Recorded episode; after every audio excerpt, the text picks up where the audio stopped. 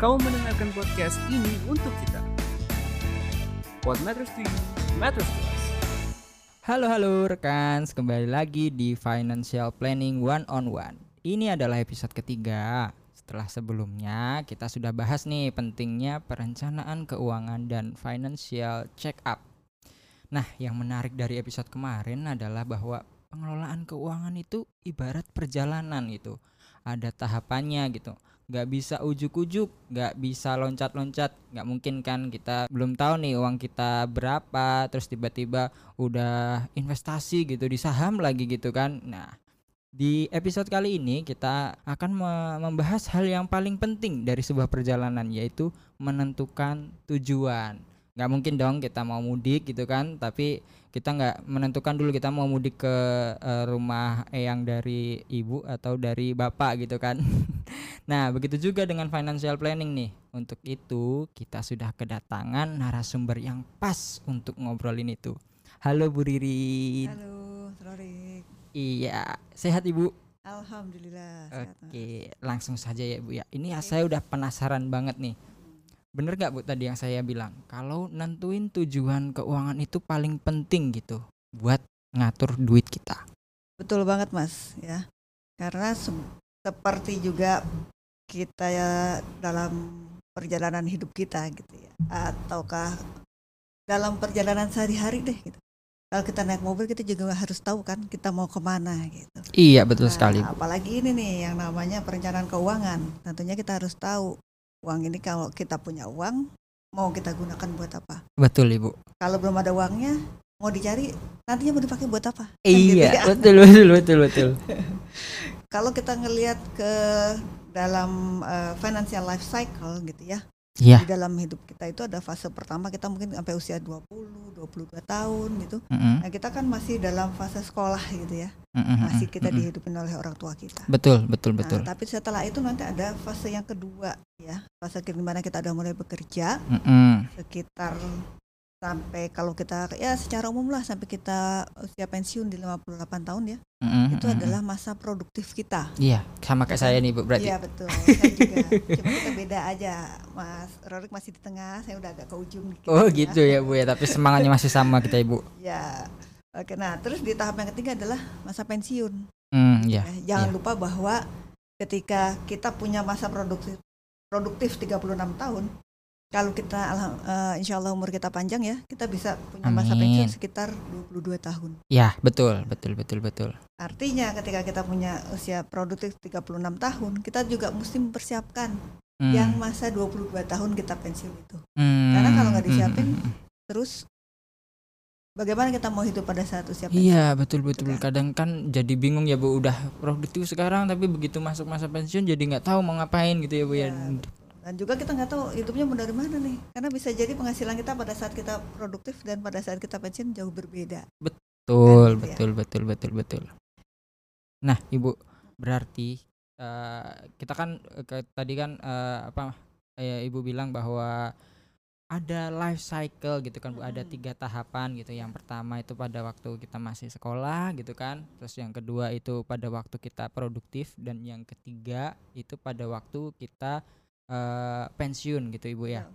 Nah dari ketiganya itu ibu, dari ketiganya itu apa uh, tujuan keuangan yang sama yang harus kita miliki gitu ibu? Ada nggak atau itu masing-masing itu berbeda? Nah justru yang sama itu mm -hmm. yang harus mm -hmm. kita siapkan dari awal kita masa mm -hmm. produktif mm -hmm. itu adalah uh, ini ya apa namanya dana pensiun kita. Oh gitu, dari awal masih SMA tuh udah misalkan ya. Dari awal kita kerja. Oh malah gitu ya, ya, ya. Iya. Oke, oke, oke. Nah jadi kalau di uh, kantor kami tuh ya, saya juga nggak jadi becukai. Iya, iya. Itu dari pertama mereka masuk. Iya. Itu yang kita ajarkan bahwa, nih ya, lihat kalian harus mulai mempersiapkan dana pensiun kalian dari sejak awal kalian bekerja. Iya, jadi, itu menarik sekali bu. Begitu dia masuk, loh saya baru masuk kerja iya iya iya disuruh mikir dana pensiun iya iya iya iya iya kenapa kayak gitu karena kalau nanti kita hitung ternyata mm -hmm. dana pensiun itu butuh dana yang demikian besar Hmm, gitu gitu ya. gitu bu.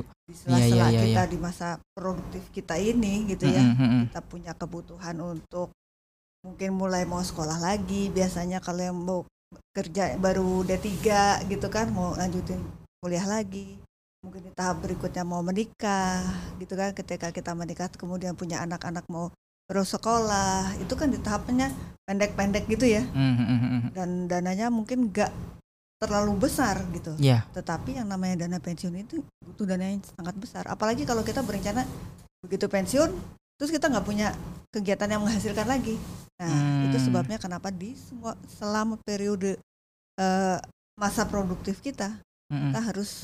Mempersiapkan dana pensiun Itu. Oh, itu menarik sekali ya, Bu. Ya, ini ini yang nggak saya dapat nih waktu pertama kali masuk masuk kerja gitu kan, Bu. Saya tidak dibekali dengan ilmu itu, jadinya waktu dapat duit ya habis setiap du- bulan dapat duit, setiap bulan juga habis gitu. Jadi kayak wah, aku punya uang banyak, aku harus menghabiskan ini gitu. karena fokusnya cuma sama sama kebutuhan dan keinginan di jangka pendek aja Ah, ya Nah, ya ya. Apakah hal- itu juga eh, apakah itu juga dipengaruhi oleh karena saya nggak punya tujuan keuangan, Bu? Betul karena Oh, kita nggak nggak gitu. ngelihat Iya, sebenarnya di iya, iya, iya. masa dua tahun lagi kita punya tujuan apa aja Ah, di iya, masa iya, lima iya, tahun iya, lagi iya. kita punya tujuan apa aja gitu kan Hmm, nah itu hmm, hmm, perlunya kita punya tujuan keuangan hmm. Oke oke oke gitu. ibu. Ini menarik ibu. Berarti eh, apakah setiap pribadi itu harus menentukan tujuan jangka pendek, menengah dan panjangnya? betul Oh Betul, gitu ya? Ya Iya ya. kita perlu tahu karena dengan demikian kita nanti ini ke tahap berikutnya kan Hmm. kita kalau belajar perencanaan keuangan pasti kita belajar investasi gitu kan ya nah Iya, ketika kita iya, mau iya. memilih produk investasi kita harus tahu itu mau kita pakai untuk tujuan yang jangka waktu berapa gitu Ah oke oke karena ini pilihan produknya akan beda oke ini menarik Gitu. sekali bu. Berarti kayak kalau misalkan tadi ya ibaratnya kalau kita mau mudik itu kita Betul. harus tahu dulu eh, kita mau naik apa gitu ya bu ya. Iya. Terus lewat mana gitu Jadi berarti. gini kalau kita mau pergi nih Ah ah mau ke Jogja katakan ah, oke. Nah, pertanyaannya kita mau kita punya waktu berapa lama untuk eh, perjalanan kita? Hmm. Kalau kita mau jalan-jalan punya waktu santai, mungkin kita bisa naik mobil. Tapi kalau kita mau segera sampai, kita harus naik pesawat. Misalnya kayak gitu. Betul bu. Nah, itu Oh, dalam iya, memilih iya, produk iya, iya. investasi nantinya kayak gitu kan. Oh, Oke Kita- oke oke. Kenapa kita perlu tahu jangka waktu pencapaiannya? Mm, mm, mm, mm, mm. Berarti kalau eh, dikategoriin gitu bu, misalkan saya sih eh, karena saya juga nggak punya dasar financial planning ya bu, jadi saya Hmm. penasaran. Eh, kalau tujuan jangka pendek itu bu, tujuan keuangan jangka pendek itu contohnya seperti apa ibu? Nah, tujuan jangka pendek misalnya Mm-mm. kita mau liburan Dua tahun. Oh, Oke. ke mana luar kalau jangka eh, dekat-dekat mungkin eh, dananya sedikit ya. Ya. Tapi misalnya kita mau jalan-jalan ke luar negeri lah Yes. gitu ya. Yes. dalam jangka waktu berapa Eh, Mm-mm. dua tahun lagi Mm-mm, misalnya mm-mm, nah itu kan perlu kita persiapkan gitu. Mm, Atau- mm, mm. kita eh, orang tua muda nih Ya. baru eh, punya anak gitu kan Iya. ya nah kemudian sekarang anak mulai sekolah playgroup kelas umur berapa coba nggak empat lima tahun loh Aduh bu, teman saya ada tiga tahun udah Nah, sekolahin anak deh. Makanya kan, tiga tahun gitu iya nah iya itu iya. udah iya, mulai iya. disiapin dan kita Ah, dan ketika oke, kita mempersiapkan dana itu kan kita juga em, harus memastikan bahwa dana itu kan aman karena buat anak sekolah kan kalau anak nggak jadi sekolah Iya betul betul betul betul. itu juga mempertimbangkan selain jangka waktu juga resiko kita gitu Oh menarik sekali bu. Berarti kita nggak bisa nggak bisa asal taruh istilahnya bu ya. Betul. Iya iya iya iya. Itu kenapa kita perlu tahu persis tujuannya tuh apa ya gitu Nah itu dia. Jadi yang paling penting itu itu ternyata. Nah ibu. Nah ini ini di episode ketiga kali ini ini ada hal yang paling bikin saya penasaran. Jadi apakah betul bahwa menentukan tujuan keuangan itu adalah bagian terpenting dari mengelola keuangan bu atau merencanakan keuangan pribadi? Bener nggak ibu? Iya mas Ririk. bener banget itu ya Mm-mm. Eh, karena kan kita di dalam hidup kita ini punya banyak tujuan eh sorry punya banyak keinginan dan Iya, kebutuhan iya, gitu iya, ya. iya, betul, betul. nah dan itu biasanya menyesuaikan dengan usia kita Oh, Gitu ya. gitu. jadi kalau kita balik lihat ke, ke dalam konsep tentang financial life cycle. Mm-mm, itu mm-mm, di ada tiga periode dalam kehidupan kita gitu ya. Mm-mm, masa pertama adalah di masa pendidikan mm-mm. di mana kehidupan kita biasanya di posisi itu secara finansial masih disupport oleh keluarga kita gitu Ya, kan Nah, kemudian di fase yang kedua itu Mm-mm. mungkin sekitar usia mulai 20 atau 22 tahun gitu, kita Mm-mm. mulai masuk ke dunia kerja Iya, Ya, iya, iya. sampai iya. kita masa pensiun secara umum di usia 58 itu masa Mm-mm. masuk ke masa usia produktif kita. Mm-mm, gitu ya. mana nanti di masa usia produktif itu mm-mm. tujuan kita tuh juga akan beda-beda lagi gitu. Karena Oh, dengan oke. perbedaan usia Ah. ada eh, biasanya pola hidup kita juga beda gitu kan. Hmm, betul, Nah, betul, betul, Ibu. Kemudian setelah itu masuk di masa pensiun yang sekitar kalau usia kita insya Allah panjang itu bisa sekitar 22 tahun. Iya, gitu ya. iya, iya, iya, Nah betul. dari situ kita bisa ngelihat nih bahwa di masa di periode kehidupan kita ini kita punya keinginan yang berbeda sehingga tujuan keuangan kita juga berbeda dan Hmm, yang perlu diingat bahwa pada saat kita di usia produktif kita harus mulai mempersiapkan diri untuk juga memenuhi tujuan keuangan kita di masa pensiun kita. Oh, oke, gitu. oke, oke, Ibu. Berarti, berarti nih kalau kalau saya boleh simpulkan, misalkan saya eh, baru masuk kerja, kita sudah harus memikirkan dana pensiun, betul, Ibu? Betul. Oh, Kenapa gitu ya. demikian? Karena dana pensiun itu kita membutuhkan dana yang sangat besar. Hmm, gitu. Itu yang hmm, sering kali nggak kita perhatikan gitu hmm, ya. hmm, hmm, hmm. Sehingga ketika kita udah punya nih, sudah pernah eh, mengumpulkan sejumlah dana lah, kita punya Hmm. tabungan mungkin Hmm, atau hmm, kita hmm. punya aset. Tapi Hmm. kalau kita nggak pernah ngitung secara eh, ya cukup detail lah istilahnya, berapa Mm-mm. sih kebutuhan kita saat pensiun, Mm-mm. bisa jadi dana yang tersedia pada saat kita mulai pensiun itu nggak mencukupi gitu. Ah, loh. iya, iya, iya, iya, iya. Berarti semakin cepat kita menentukan tujuan keuangan kita dalam perencanaan keuangan pribadi gitu, Hmm. semakin baik. Betul. Hmm, Oke, Dan oke. akan lebih banyak yang bisa kita capai gitu loh. Iya, Karena iya, kita iya, udah betul, tahu betul. oh dalam waktu jangka waktu dua tahun ke depan kita punya tujuan keuangan tuh ini ini gitu. Di jangka Ah, waktu yang lima tahun kita ah. tahu oh tujuan keuangan kita tuh ini ini ini gitu. Mm, Sehingga mm, mm. nanti kita bisa nyiapin gitu. Bagaimana bagaimana cara mencapai yang kebutuhan lima tahun mendatang? Ya. Gimana cara mencapai kebutuhan yang di dua tahun mendatang ini gitu. ah, Nah itu akan Oke, kan beda-beda tuh mas. oke, oke, Karena nilainya juga beda, Iya. kemudian jangka waktunya beda. Iya, nah iya, tapi iya, itu betul. semua kalau kita bisa mencoba melakukan penghitungannya gitu ya, Mm, mm, mm. itu bisa kita persiapkan sebenarnya gitu. Hmm, Oke oke. Kita bisa ngukur nih apakah ini akan achievable atau eh, apa namanya dapat dicapai atau tidak gitu ya Bu betul, ya. betul. Oh, realistis apa enggak gitu ya Bu ya. Benar, Oh iya. gitu. Oke oke. Eh, berarti kalau misalkan kita mahasiswa gitu kan ya, kita berarti masih ada di eh, tahap yang pertama tadi ya Bu ya. Berarti ya yang yang kita masih disupport sama orang tua berarti ya Bu ya. Nah, apakah kita eh, udah harus mulai mempersiapkan dana pensiun atau belum Ibu? Atau seperti apa nih? Eh, Kalau mahasiswa sih mas- biasanya masih belum ya. oh belum ya. Heeh, oke, oke, tapi oke. bukan berarti nggak boleh nggak boleh mulai berinvestasi atau nggak boleh mulai perencanaan keuangan ya, Oh iya, ya. iya iya iya. gitu. iya. Jadi Ah, yang oke. namanya mulai belajar tentang mengelola keuangan Heeh. itu udah bisa dimulai sejak dini sebenarnya dari Hmm. kita masih eh, ya SD, SMP Mm, gitu mm, ya. mm, mm. Saya juga banyak mengedukasi untuk eh, apa namanya para remaja gitu ya. Ah, ah. Ketika mereka mulai masuk di usia eh remaja, mungkin orang tuanya udah mulai ada nih yang ngasih uang jajan tuh mingguan gitu kan, Nah, bulanan. Iya, iya, Nah, iya, sesederhana itu dia bisa mulai kalau misalnya hari Sabtu saya mau jalan-jalan sama teman saya misalnya gitu kan, Mm-mm, si anak ini dia tahu nih dikasih uang jajan segini berapa yang setiap hari boleh dia pakai, berapa Iya, yang iya, harus iya, dia iya, simpan buat nanti dia jalan-jalan hari Sabtu sama temennya misalnya. Iya, Nah, iya, sesederhana iya, itu gitu. Habit Nanti. itu mulai dibangun sejak dini ya, Bu ya. Betul, Oh, betul. Oke, oke, oke, oke. Tadi saya nanyain kenapa mahasiswa itu masuk ke tahapan yang mana nih? Soalnya kalau ngelihat fenomena yang sekarang gitu dari mahasiswa itu udah banyak nih Bu yang tiba-tiba ikut binary option gitu kan, Betul. terus trading-trading yang wah ini kan lumayan apa ya, lumayan mengkhawatirkan gitu ya Bu ya. Dana yang dimasukin mereka itu bukan dana dari eh, apa namanya eh, uang cold money gitu misalkan yang yang emang diperuntukkan untuk itu tiba-tiba ludes gitu kan kan Nah, ini kasihan sekali gitu. ini jadi banyak banyak aspek ya kalau kita ngomongin dari sisi yang apa mahasiswa yang mereka dapat uangnya istilahnya belum full untuk dari pekerjaan mereka sendiri Betul, gitu ya. betul Ibu. Dan mereka tuh belum harus memenuhi kebutuhan hidupnya sendiri. Ya. Artinya dananya ada, Ah, mungkin dia ah. ada penghasilan tambahan gitu, tapi Ah, kan ah, masih ah, bisa disupport orang tua gitu. Ah, ah, ah. Nah, ketika dia mencoba be- beberapa jenis eh, Mm-mm. investasi, Mm-mm.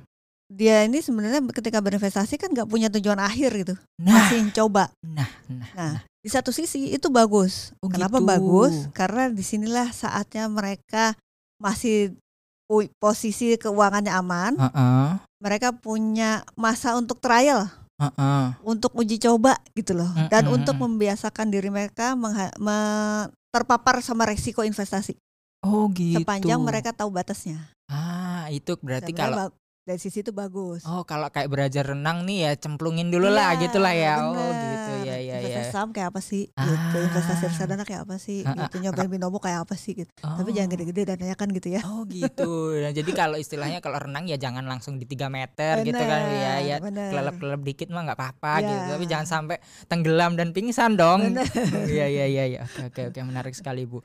Eh, berarti boleh gitu. Mm-mm. Nyoba-nyoba wajar kan Betul. namanya anak muda pengen Mm-mm. gitu. Tapi jangan gede-gede gitu lah Ibu ya. Betul, dari sisi dana jangan gede-gede dan Ah. dari sisi pengetahuannya juga mereka tetap harus belajar gitu. Oke Nggak oke sekedar oke. nyoba. Iya, Gitu. benar. ini disclaimer juga kita tidak menilai eh, apakah itu adalah sebuah investasi yang baik atau buruk sebenarnya ya Mm. Bu ya, karena kita masih fokusnya di tujuan keuangan nih. Mm. Tapi tapi dari sisi itu tadi eh, ada nggak Bu eh, apa ya pengaruhnya gitu? Mereka tiba-tiba masuk ke situ tuh gara-gara nggak punya tujuan keuangan gitu. Itu yang bahayanya nggak punya tujuan keuangan tapi investasi adalah Ah, mereka nggak bisa nyetop diri ah, gitu. gitu ya ya. ya. karena nanti dia jadi greedy segala macam kan. Padahal Hmm. ketika kita berinvestasi kita tuh nggak semata-mata mencari untung aja, nggak. Iya. Sebenarnya Oh, ketika kita penarik nih. berinvestasi, ketika tujuan itu tercapai, Mm-mm. itu bisa aja kita dana yang kita yang eh, kita investasikan itu justru kita tarik ke produk lain yang nggak ada keuntungan tinggi iya, lagi. Iya, ngapain gitu ya padahal ya? Iya, Iya, iya. Udah iya, selesai karena apa tujuannya udah tercapai. Iya, iya, iya. Tapi Wah, kalau kita nggak punya banget tuh. tujuan, akhirnya wah ini kayaknya masih bakalan bisa naik lagi nih. Wah ini Betul, bakal Bu. bisa tinggi lagi nih. Betul. Nah kayak gitu tuh. Iya, iya. Kalau saya menarik diri di alamnya mahasiswa itu mungkin akan terjadi pada saya. ya kalau nggak punya tujuan keuangan tiba-tiba wah ini udah pas nih duitku untuk ini tiba-tiba wah kok itu ada apa namanya produk yang menarik lain, nih ah. tarik yang ke sini ke sana gitu ya. Iya. Oh, karena itu nggak punya Tujuan gitu. Oh, Oke oke oke menarik sekali. Jadi memang tujuan keuangan itu sangat penting teman-teman. Nih kayak kalau diibaratkan tadi mudik gitu ya, berarti kita harus tahu nih mau ke mana kota yang kita tuju gitu lah kayak Bu ya. Terus Betul. habis itu baru kita tarik kita mau naik apa nih. Jadi kita mi- milih nih produknya eh kita mau mau pakai produk yang mana gitu kan. Betul. Baru lewat jalur mana nih? Gitu. Istilahnya kayak berapa berapa lama gitulah ya Bu ya. Iya. berapa lama kita bisa mencapai tujuan itu gitu kan ya Bu ya. Nah ini kan yang dari eh, apa namanya tahapan pertama Ibu Ya. ya kalau gambaran nih Bu di tahapan kedua gitu pentingnya orang-orang kayak misalkan usia produktif kayak saya nih Bu baru masuk kerja itu tadi udah sempat disinggung bahwa sudah harus memikirkan dana pensiun gitu. Nah kalau selain dana pensiun ibu dana-dana apa aja sih gitu gambarannya ibu Secara umum ya yang dana juga harus selalu ada itu adalah dana darurat. gitu ya. Karena itu kita butuhkan bisa ada keperluan yang tiba-tiba gitu, itu Mm-mm. semua di covernya itu dari eh, dana darurat. Hmm, oke oke oke oke. Dana darurat itu berarti eh, kalau saya nggak salah ya bu ya, itu di setiap tahapan tuh harus punya ya bu ya, berarti ya. Betul. Ah, ah, di betul. setiap eh, setiap orang itu harus punya dana darurat istilahnya kayak gitu ya bu ya. Eh, Oke Jadi oke apakah oke. dia single, gitu Mm-mm. kan? Apakah dia sudah menikah, gitu? Apakah Ah, dia menikah eh, dengan punya anak atau belum? Ah. Anaknya berapa, gitu? ah, ah, ah. Itu akan mempengaruhi besaran dana darurat yang perlu mereka miliki, gitu. Oh gitu, oke oke oke, menarik. Nah ini kan di di episode sebelumnya belum terlalu kita bahas mendalam ibu soal dana darurat kan. Ya. Nah ini ini mungkin kita bisa memberikan sedikit tips gitu atau trik kepada teman-teman yang yang sedang mendengarkan episode ini bu. Dana darurat itu ada ininya nggak bu? Ada standarnya nggak bu? Ada ya eh, secara teori ya Ya, secara ya, teori ada standarnya itu kalau single itu sekitar tiga kali pengeluaran bulanan Hmm. itu kalau menikah itu sekitar enam kali pengeluaran bulan Mi- minimal pengeluaran ya dengan harapan bahwa penghasilan lebih besar daripada pengeluaran kan Ya, ya, Iya. ya, ya. kemudian menikah dengan dua anak itu sembilan kali pengeluaran bulanan kalau menikah dengan anak lebih dari dua itu 12 kali Oke, Gitu. oke, Bu. emang ke- kelihatannya besar Besar, banget ya mas betul, ya betul, besar betul. banget kan gitu nah kalau yang buat single sih mungkin nggak terlalu masalah tapi tapi coba kita ngelihat nih ke kondisi pandemi sekarang Mm-mm. ini kan kalau dari awal pandemi itu banyak sekali eh, teman-teman mungkin yang kehilangan pekerjaannya gitu ya atau Mm-mm. penghasilannya jadi menyusut jauh mungkin kalau yang jualan gitu ya nah kalau kita nggak punya dana darurat itu mau ditutup pakai apa gitu Hmm, oke, dan Bu. kalau kita lihat mungkin bisa aja yang single itu ada yang kehilangan pekerjaan mungkin dalam waktu tiga bulan nggak bisa dapat penghasilan eh apa namanya pekerjaan yang baru gitu sehingga Hmm, penghasilannya hmm. juga belum kembali normal dalam kondisi tiga bulan gitu nah itu Mm-mm. itulah sebabnya kenapa dana darurat secara teori besarannya itu seperti itu Hmm, Oke Tuh. oke Bu. Ah, nah, nah ini pertanyaan saya berarti penentukan besaran dana darurat itu pertimbangannya adalah seberapa lama kita bisa bertahan tanpa adanya pemasukan, betul Ibu ya? Tuh.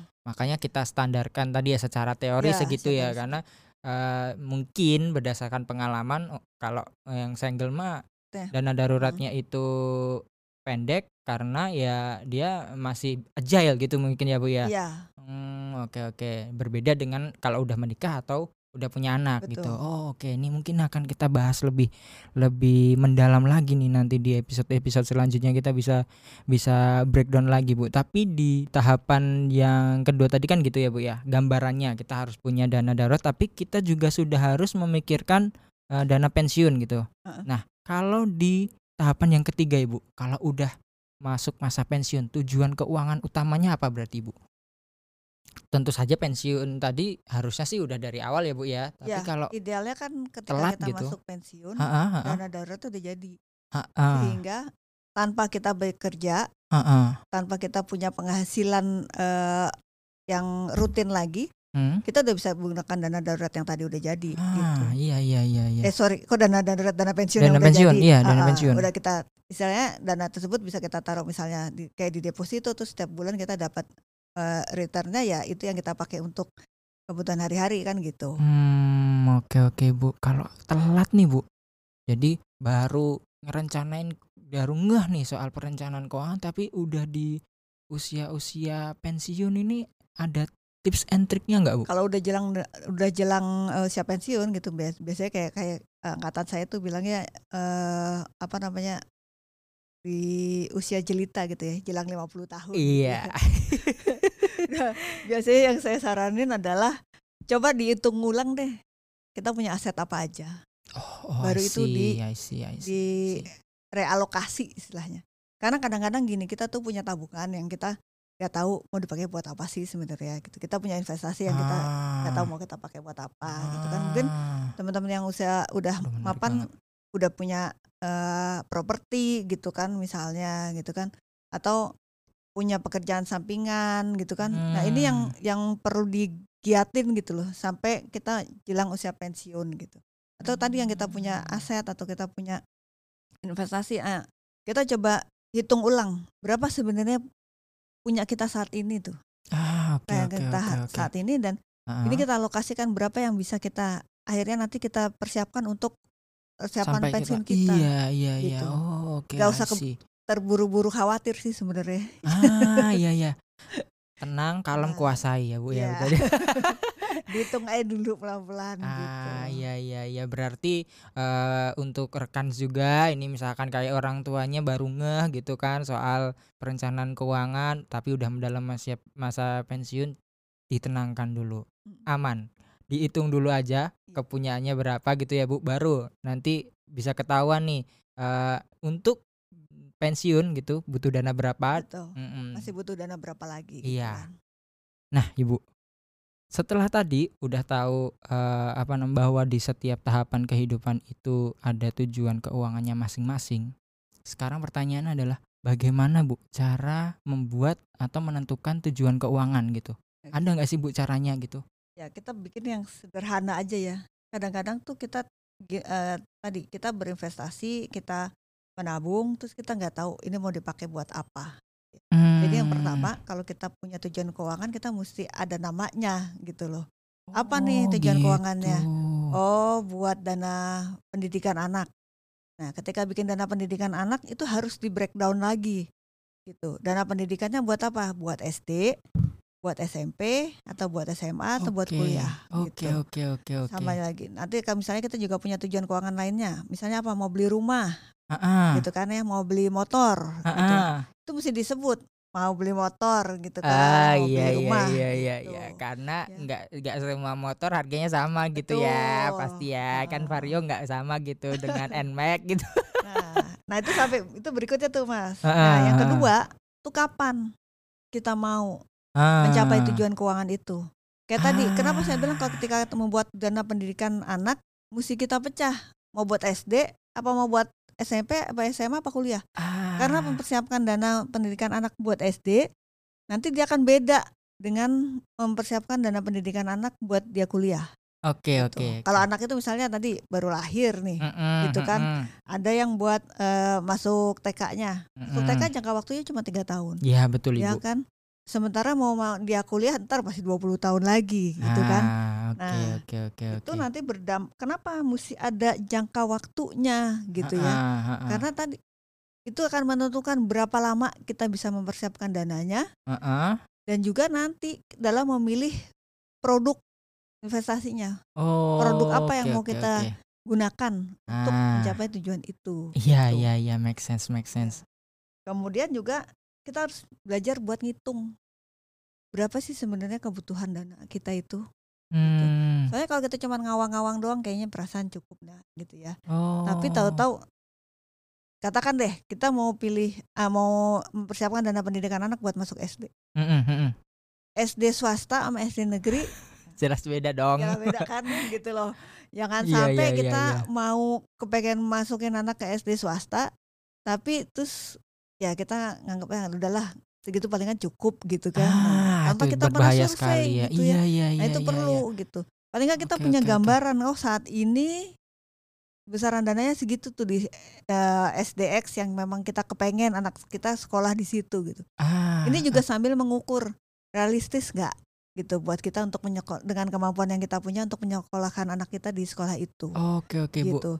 Bisa nggak kita mencapainya dalam waktu katakan kalau anak sekarang baru lahir enam tahun lagi dia masuk Ah, SD Oke oke. gitu. Harus spesifik ya Bu ya. Semakin detail semakin bagus. Semakin detail semakin bagus. Itu pun Ah, oke, oke, namanya oke. kita prediksi ya nggak bakalan bisa 100% eh, Ah, tercapai gitu ya Iya, Tapi iya, seenggaknya iya, udah iya, iya. mendekati gitu kan Oke oke. karena oke. kalau tadi ketika kita kepengen anak di swasta tapi persiapannya untuk eh, dana di negeri, ya Negeri, kayak iya, nyambung kan betul, gitu kan Betul betul jelas kurang Gitu, dong. makanya. Gitu. Iya iya iya iya. iya. gitu swasta pun ada banyak ininya kan Ah, levelnya ah. gitu. Dan bahkan setiap daerah pun mungkin berbeda ya Bu ya. Di Jakarta Selatan Betul. mungkin beda dengan di Bekasi gitu misalkan. Iya, Makanya semakin semakin spesifik semakin bagus. betul Nah, Ibu. Ah, ada yang mau dijelasin Ibu? Kalau enggak saya mau nanya Ibu. satu lagi Heeh. bagaimana kita cara mencapainya Ah, Gitu ya. Iya, iya, ya tadi iya, kan iya. kita udah tahu namanya apa gitu kan terus Mm-mm. kapan nilainya berapa Nah, yang Mm-mm. terakhir bagaimana kita mencapainya jangan lupa namanya tujuan keuangan kita itu ada dua kelompok ya kalau saya tuh biasanya eh, membaginya gitu tujuan keuangan yang istilahnya memang ingin kita capai Mm-mm. gitu. tapi ada satu lagi yang tujuan keuangannya itu mempersiapkan dana untuk sesuatu hal yang sebenarnya ingin kita hindari gitu Hmm, gitu. nah, jadi ya, kalau ya. untuk hal-hal yang ingin kita Menarik capai Heeh. misalnya kayak tadi mau Iya, dana pendidikan, pendidikan. mau jalan-jalan Iya, iya gitu betul ya betul. terus mau beli rumah itu kan Ah. sesuatu yang ingin kita capai ya. Iya, betul betul Ibu. Nah untuk bisa mencapai itu berarti kita perlu berinvestasi. Mm-mm. Sementara kita tahu nih ada satu resiko juga ya Mm-mm. yang ke depan yang bisa mungkin terjadi sama kita. Tapi ingin kita hindari dan itu membutuhkan sejumlah dana juga. juga, di situ. iya, iya, Nah, iya, iya. Itu berarti kita perlu produk proteksi Ah, gitu masuk di situ. asuransi. Betul. Oh. Jadi kita mesti pisahin nih tujuan untuk investasi dan proteksi. ah, gitu, iya, itu iya, iya, perlu iya. banget tuh. Kalau kan nanti kita salah bikin produk, tujuan kita nggak bisa capai walaupun kita udah ngitung gitu Iya iya iya iya iya betul betul betul misalkan Ibu. eh, investasi dengan eh, proteksi ya itu Hmm, Oke kita oke paham oke. juga gitu. Iya iya Ibu. Nah, kalau kalau tadi bukan udah menjelaskan bahwa semakin detail semakin bagus gitu kan Bu ya. Hmm. Terus waktunya semakin semakin eh, apa namanya? Semakin jelas ya kita tentukan itu semakin bagus. Berarti itu indikatornya itu eh, smart betul nggak Bu? betul Spesifik ya kan Bu? ya, miserable Measurable apalagi tuh A-nya tuh? attainable Attainable, realistik ya? ya realistik sama timely. timeline. Ah, iya iya. ada iya, batas iya. waktu Ah, itu teman-teman. Jadi ingat smart gitu ya. Spesifik semakin detail semakin bagus gitu. Terus harus bisa diukur nih ya Bu ya betul. Nah, ngukurnya Bu. Ngukurnya itu kayak gimana Bu kalau kalau tujuan keuangan nih? kalau di situ berarti bersa- besarannya tadi mas angkanya berapa Oh, di angka Gitu, ya. Ya ya ya ya. Tuh, jadi kenapa kita perlu survei kita perlu tahu? Ah, tadi di ya. membuat perencanaan keuangan itu istilahnya begini kita harus tahu apa yang kita mau gitu. Ah, kalau kita nggak nggak tahu apa yang kita mau ya kita nggak bisa nentuin tujuan ah, gitu iya, kan. Iya, iya. Memahami diri sendiri berarti ya Bu ya. Ya ya ya ya. ada sisi itunya juga kalau logis ya Oh, mesti iya, iya, paham iya, sama iya. keuangan diri kita gitu Oh oke oke oke menarik sekali. Terus tadi realistis kan ya ya harus kita harus tahu lah ya ini kira-kira kalau penghasilan kita segini Ya. terus habis itu dana investasi kita segini ya ya masuk akal nggak nih kalau kita mau jalan-jalan keliling Eropa gitu misalkan Betul. ya. bisa jadi kalau Oh. kita sekarang mungkin belum belum nggak realistis bikin jalan-jalan ke Eropa misalnya Ah tapi, kalau tapi begitu ada penghasilan kita bisa meningkat ah, atau ternyata oke, oke. ada kesempatan zaman dulu mungkin buat orang jalan-jalan ke luar negeri tuh wah jauh banget dari pandangan ya. iya, Tapi iya, sekarang ada yang namanya tiket murah nanti ya kalau udah balik lagi normal kan ya iya. ah ada bisa ada tiket murah segala tiket macam promo itu menjadi gitu ya. realistis gitu. Ah itu menarik sekali itu berarti Belum tentu apa yang sekarang kita pikir nggak realistis nanti sekian tahun ke depan tetap nggak realistis nggak belum Ah, tentu. ya, gitu. itu. Jadi perlunya kita mereview nantinya mas. Oh, ada Setiap- ada tahapan itu ada juga tahapan ya, Bu ya. di dalam perencanaan Oh, keuangan. Karena ya itu tadi ya perencanaan keuangan adalah sebuah perjalanan ya, Bu. Kita Ya, nggak pernah sebuah tahu. Iya. Dia bergerak terus. gitu. Bergerak terus kita nggak pernah tahu di, di tengah jalan itu seperti apa gitu. Jadi ya Benar. belum tentu kalau sekarang nggak apa namanya nggak realistis ke depan eh, nggak realistis juga gitu Iya. bisa jadi eh, realistis gitu kan ya. Terus tadi eh, smart gitu kan sama timeline tadi ya, Bu. Ya, iya iya. Kalau nggak ada jangka waktu ya cuma sekedar jadi angan-angan doang kan. Hmm, oke kalau kita oke oke. tetapin oh nih jangka waktu kita segini, walaupun ya tetap lah namanya orang bikin buat sendiri ya boleh boleh aja dibikin fleksibel gitu ya. Tapi kalau yang kayak sekolah anak kan nggak bisa fleksibel fleksibel amat. Iya betul betul betul betul betul betul Bu. Iya Iya kan? iya iya iya. Bisa jadi kan nanti nggak sekolah gitu kan. Iya. itu gitu. Kan sayang banget kan nggak mungkin juga ya anak gak sekolah karena nggak ada duitnya kan Iya. sedih sekali gitu. Iya iya iya Ibu. Karena ini saya juga lagi di masa yang mempersiapkan dana untuk sekolah anak Bu. Nah, Jadi waduh saya tuh dengar kalau eh, teman-teman udah mulai ada yang anaknya udah masuk ke kelompok belajar gitu. Kan saya kira kan kelompok belajar adalah eh, kita menitipkan anak untuk bermain gitu atau belajar bersama gitu kan. Ya, saya pikir kayak ah mungkin harganya 3 juta mungkin ya ternyata 15 juta dong. Apa yang kita harapkan dari anak-anak belajar bersama dan bermain gitu dengan harga 15 juta gitu. Wow. nah, itu berarti perlu dipersiapkan rekan studi JPPR dan semakin semakin dini persiapannya kita semakin eh, memahami diri sendiri dan kita udah tahu mau ngapainnya tuh sejak awal gitu. Harusnya semakin bagus ya, Bu ya. Kita bisa me- mengumpulkan pundi-pundi kita itu dengan semakin banyak harusnya ya kan Bu? Oh oke gitu. Menarik sekali